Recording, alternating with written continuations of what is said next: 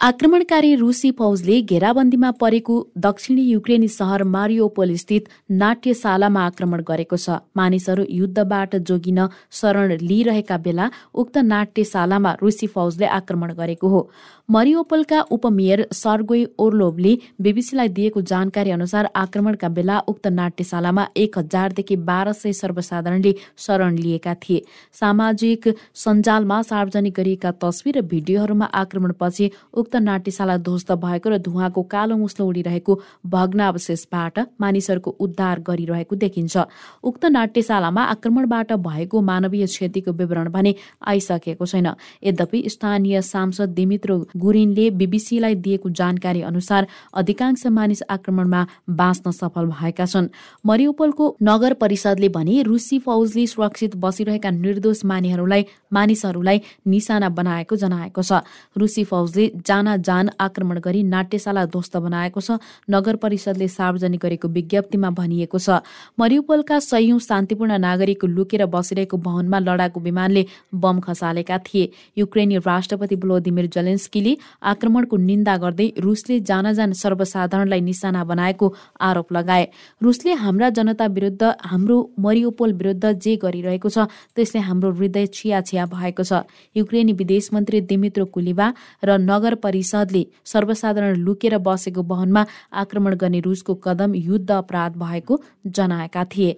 गैर सैनिक निशानामा आक्रमण गरेको भनी रुसमाथि बारम्बार युद्ध अपराध गरेको आरोप लाग्दै आएको छ। यसअघि रुसले मरियोपोल सहरमै रहेको एक बाल अस्पताललाई लक्षित गरी हवाई आक्रमण समेत गरेको थियो। भारतमा कोभिड नाइन्टिन संक्रमितको संख्या बिहिबार चार करोड तीस लाख नागेको छ। पछिल्लो चौबिस घण्टामा देशभर दुई हजार पाँच सय उनाचालिस नयाँ संक्रमित थपिएपछि कोरोनाका कुल संक्रमित चार करोड तीस लाख एक हजार चार सय सतहत्तर पुगेको केन्द्रीय स्वास्थ्य मन्त्रालयको पछिल्लो तथ्याङ्कले जनाएको हो। यसबाहेक भारतमा कोरोनाका कारण ज्यान गुमाउने कुल संख्या पाँच लाख सोह्र हजार एक सय बत्तीस पुगेको छ। भारतमा हाल तिस हजार सात सय उनान्सय कोरोनाका सक्रिय संक्रमित रहेका पनि मन्त्रालयले जानकारी दिएको छ। कोरोना सुरु भएबाट हालसम्म भारतमा चार करोड चौबिस लाख चौवन्न हजार पाँच सय छयालिसजना सफलतापूर्वक निको भएर अस्पतालबाट डिस्चार्ज भएका छन्। जसमध्ये पछिल्लो चौबिस घण्टामा चार हजार चार सय एकानब्बेजना कोरोनाबाट मुक्त भएका छन्। युक्रेनमा जारी रुसी आक्रमणबारे छलफल गर्न संयुक्त राष्ट्र सुरक्षा परिषदको बैठक डाकिएको छ। बेलायत अमेरिका फ्रान्स अल्बानिया आयरल्याण्ड र नर्वे लगायत छ देशको अनुरोधमा संयुक्त राष्ट्र सुरक्षा परिषदको आकस्मिक बैठक डाकिएको हो। बेलायत अल्बानिया फ्रान्स आयरल्याण्ड नर्वे र संयुक्त राज्य अमेरिकाले सुरक्षा परिषदको बैठक डाकेका छन्। रुसले युद्ध अपराध गरिरहेको छ र सर्वसाधारणलाई निशाना बनाएको छ। युक्रेनमा रुसको गैर कानूनी युद्ध हामी सबैका लागि खतरा हो। संयुक्त राष्ट्रका लागि बेलायतको स्थायी नियोगले आफ्नो ट्विटरमा लेखेको छ। बेलारुसमा भइरहेको छलफल मार्फत रुस र युक्रेनले वार्ताका माध्यमबाट समाधानका लागि निरन्तर प्रयास गरिरहेको बेला सुरक्षा परिषदको बैठक डाकिएको हो। युक्रेनका राष्ट्रपति भ्लोदिमिर जेलेन्स्कीले रुस र युक्रेन बीचको शान्ति वार्ता प्रगतिमा रहेको तर निकै कठिन रहेको बताएका छन्। वार्ता अझै प्रगतिमा छ वार्ता एकदमै कठिन छ र वार्ताको वर्तमान अवस्थाबारे भन्नुपर्दा म यो जारी छ भन्न चाहन्छु। जेलेन्स्कीले शान्ति वार्ताको स्थितिबारे सोद्धा उक्त टिप्पणी गरेका छन्। बुधबार चौथो चरणको वार्ता जारी रहँदा युक्रेनी वार्ता टोलीका सदस्यले दुई पक्ष अब सहमतिमा पुग्न इच्छुक रहेको बताएका थिए। नाइजेरियाको दक्षिणी राज्य इमोमा दुई कारागार अधिकारीको गोली हानी हत्या गरिएको छ। कारागारका दुई अधिकारीहरू राज्यको ओकिग्वे क्षेत्रमा गस्तीमा रहेको अवस्थामा उनीहरूलाई बन्दुकधारीले आक्रमण गरेर हत्या गरेको नाइजेरियन सुधार सेवाका प्रवक्ता गुडलक इवेक बुलमले जनाए। उनले घटनाको पूर्ण प्रतिवेदन आउन बाँकी रहेको बताएका छन्। बुधबार नाइजेरियाको नाइजर राज्यस्थित नागमा प्रहरी चौकीमा आक्रमण गरी कम्तीमा पनि दसजनाको हत्या गरिएको थियो। स्थानीय सुरक्षा अधिकारीहरूले केही बन्दुक हमलाबाट कम्तीमा दसजनाको हत्या भएको बताएका थिए। नाइजरका प्रहरी प्रमुख बाला कुरियर्सले सोमबार नागमा प्रहरी चौकीमा बन्दुकधारीले गरेको हमलामा परि तीनजना प्रहरी अधिकारी मारिएको बताएका थिए। त्यसपछि मङ्गलबार पनि बन्दुकधारीहरूले चौकीमा हमला गरेका उनले बताए। नाइजरको सहर म्यागमा प्रहरी कार्यालयमा मङ्गलबार पनि अन्धाधुन्दा गोली प्रहार गरेर थप तीन प्रहरीको हत्या भएको थियो। मङ्गलबारको गोली प्रहारमा परि चारजना सर्वसाधारण पनि मारिएको बताइएको छ। मङ्गलबार मारिएका चार सर्वसाधारण मागमाका गाउँले रहेका पनि ती प्रहरी प्रमुखले जानकारी दिए। क्षेत्रमा विगतका केही महिनादेखि बन्दुकधारीहरूले अन्धाधुन्दा गोली हानेर सर्वसाधारण र सुरक्षाकर्मीको ज्यान लिने क्रम बढेको अधिकारीहरूले जनाएका छन्।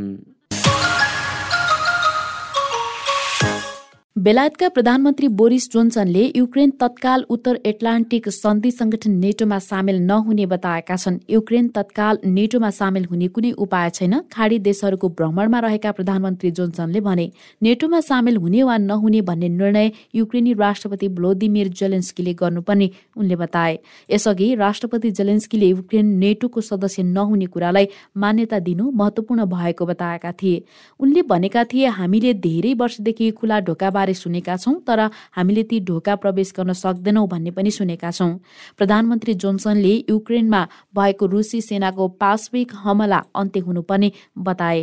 युक्रेनमा रुसी आक्रमणसँगै बजारमा तेलको मूल्यमा अस्थिरता आइरहेका बेला जोन्सन हाल खाडी मुलुकहरू साउदी अरब र संयुक्त अरब इमिरेट्स युएको भ्रमणमा रहेका छन्।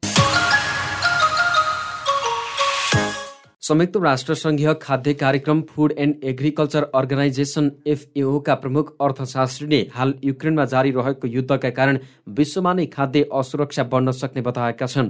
उनले रुस र युक्रेनका बीचमा जारी रहेको युद्धका कारण खाद्यान्नको अभाव बढ्न सक्ने चेतावनी दिएका समाचारमा जनाइएको छ। प्रमुख अर्थशास्त्री म्याक्सिमो टोरेरोले यो युद्धका कारण विश्वमा नै खाद्यान्नको मूल्य महँगो हुने र जसका कारण अभाव पनि हुन सक्ने बताए। उनका अनुसार युरोप लगायतका क्षेत्रमा युद्धले गर्दा खाद्यान्नको आपूर्तिमा कमी आउन सक्नेछ। यस युद्धका कारण चामल गहुँ र मकैको मूल्यमा भारी मात्रामा वृद्धि हुन सक्ने अनुमान छ। उनले भने युद्धका अरू पनि असरहरू होलान् तर मलाई लाग्छ यसले खाद्यान्न उत्पादन यसको आपूर्ति र उपलब्धतामा धेरै असर गर्ने देखिएको छ खाद्यान्नको आपूर्ति र उपलब्धताको कुरा पेट्रोलियम पदार्थका कारण पनि महँगीका असर गर्न सक्छ। संयुक्त राष्ट्रसङ्घीय मुख्यालय न्युयोर्कमा संवाददाताहरूसँग उनले यो युद्ध जति समय लम्बिँदै गयो त्यति नै खाद्यान्नको अभाव बढ्दै जाने अनुमान गरे। तीन हप्तादेखि रुसले युक्रेनमा हमला जारी राखेको छ। अमेरिकी राष्ट्रपति जो बाइडेनले रुसी राष्ट्रपति भ्लादिमिर पुटिनलाई गरेको टिप्पणीलाई लिएर रुस क्रोध बनेको छ। युक्रेनमाथि रुसी हमलालाई लिएर राष्ट्रपति जो बाइडेनले पुटिनलाई युद्ध अपराधी भनेपछि रुस बाइडेनसँग क्रोध बनेको हो। बाइडेनको सो टिप्पणी अक्षम्य र अस्वीकार्य बयानबाजी भएको रुसी समाचार संस्था तासले जनाएको छ। पुटिनका प्रवक्ता दिमित्र पेस्कोभको भनाई उद्धित गर्दै तासले लेखेको छ हामी राष्ट्र प्रमुखको यस्तो अभिव्यक्ति अस्वीकार्य अनि अक्षम्य मान्छौं। राष्ट्रपति बाइडेनको टिप्पणीले दुई देशबीच कूटनीतिक तनाव बढ्न सक्ने अनुमान गरिएको छ। बाइडेनले आवेशमा आएर पुटिनलाई व्यक्तिगत ढङ्गले गाली गलौजमा उत्रिएको विश्लेषण हुन थालेको छ।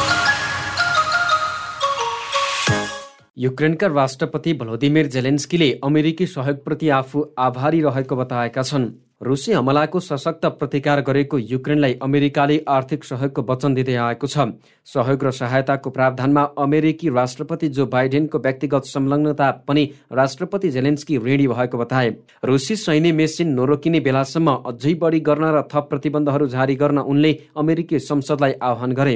रुसी सङ्घका सबै राजनीतिज्ञलाई प्रतिबन्ध लगाउन उनले अमेरिकालाई सुझाव दिएका छन्। सबै अमेरिकी कम्पनीहरूले तुरुन्तै रुसी बजार छोड्नुपर्छ किनभने यो हाम्रो रगत रगतले भरिएको छ उनले थपे। जापानमा गएको भूकम्पमा परि दुईजनाको ज्यान गएको छ भने अरू बयानब्बे जना घाइते भएका छन्। जापानको अग्नि तथा प्रकोप व्यवस्थापन विभागका अनुसार सो भूकम्प सात दशमलव चार रेक्टर स्केलको रहेको बताइएको छ। भूकम्पबाट भएको अरू क्षतिको विवरण संकलन भइरहेको जनाइएको छ। उत्तर पूर्वी जापानका मियागी र फुकुसीमा क्षेत्र यस भूकम्पबाट सबैभन्दा प्रभावित भएका थिए। भूकम्प गएको केही समयपछि राजधानी टोकियो सहितका केही सहरमा विद्युत आपूर्ति पनि बन्द भएको थियो। भूकम्प लगत्तै सुनामीको चेतावनी दिइएको थियो तर पछि सुनामीले असर भने नगरेको उद्धारमा खटिएका अधिकारीहरूले जनाएका छन्। यी दुई क्षेत्रको तटमा समुद्रको पानी एक मिटर माथिसम्म आइपुगेको मापन गरिएको थियो। पछि सो सतह घटेकाले सुनामीको खतरा टरेको थियो। र संयुक्त राष्ट्रसङ्घीय अन्तर्राष्ट्रिय न्यायालय आइसिजेले रुसलाई युक्रेनमाथि भइरहेको हमला तत्काल रोक्न आदेश दिएको छ। अदालतले युद्धका लागि रुसी प्रशासन क्रेमलिनको औचित्यलाई समर्थन गर्ने कुनै प्रमाण नदेखेको भन्दै यस्तो आदेश दिएको जनाएको छ। त्यस्तै युक्रेनले देशको पूर्वी भागमा रुसी भाषी विरुद्ध नरसंहार गरेको पनि अदालतले जनाएको छ। अदालतका पन्ध्रजना मध्ये तेह्र न्यायाधीशहरूले युक्रेनमा चौबिस फेब्रुअरीदेखि भइरहेको सैनिक कारवाही रोक्न भनेका छन्। रुसी र चिनिया न्यायाधीशहरूले मात्र आदेशको विपक्षमा मतदान गरेका थिए। न्यायाधीशहरूले विवादलाई बढावा दिने वा फैलाउन सक्ने कुनै पनि कार्यबाट टाढा रहन युक्रेन र रुस आदेश दिएको अन्तर्राष्ट्रिय सञ्चार माध्यमले जनाएका छन्। आफ्नो निर्णयमा अदालतले युक्रेनमा रुसको आक्रमणलाई अमेरिका र नेटोले जस्तो युद्ध भनेर उल्लेख गरेको छैन। फैसलापछि युक्रेनी राष्ट्रपति जेलेन्स्कीले भनेका छन् युक्रेनले अन्तर्राष्ट्रिय अदालतमा रुस विरुद्धको मुद्दामा पूर्ण जित हासिल गरेको छ। रुसले सो फैसला मान्नै पर्ने उनले बताए। फैसला व्यवस्था गरेमा रुस थप एक्लिन सक्छ उनले भने। सो फैसला धेरै हदसम्म प्रतीकात्मक हुने अन्तर्राष्ट्रिय सञ्चार माध्यमको विश्लेषण छ। रुसी प्रतिनिधिहरू गत साता सुनवाईमा देखा परेका थिएनन्। हेग स्थित अन्तर्राष्ट्रिय फौजदारी अदालतका उच्च अभियोजनकर्ताले मार्चको सुरुमा युक्रेनमा रुसले गरेको सम्भावित युद्ध अपराधको अनुसन्धान गर्ने घोषणा गरेका थिए।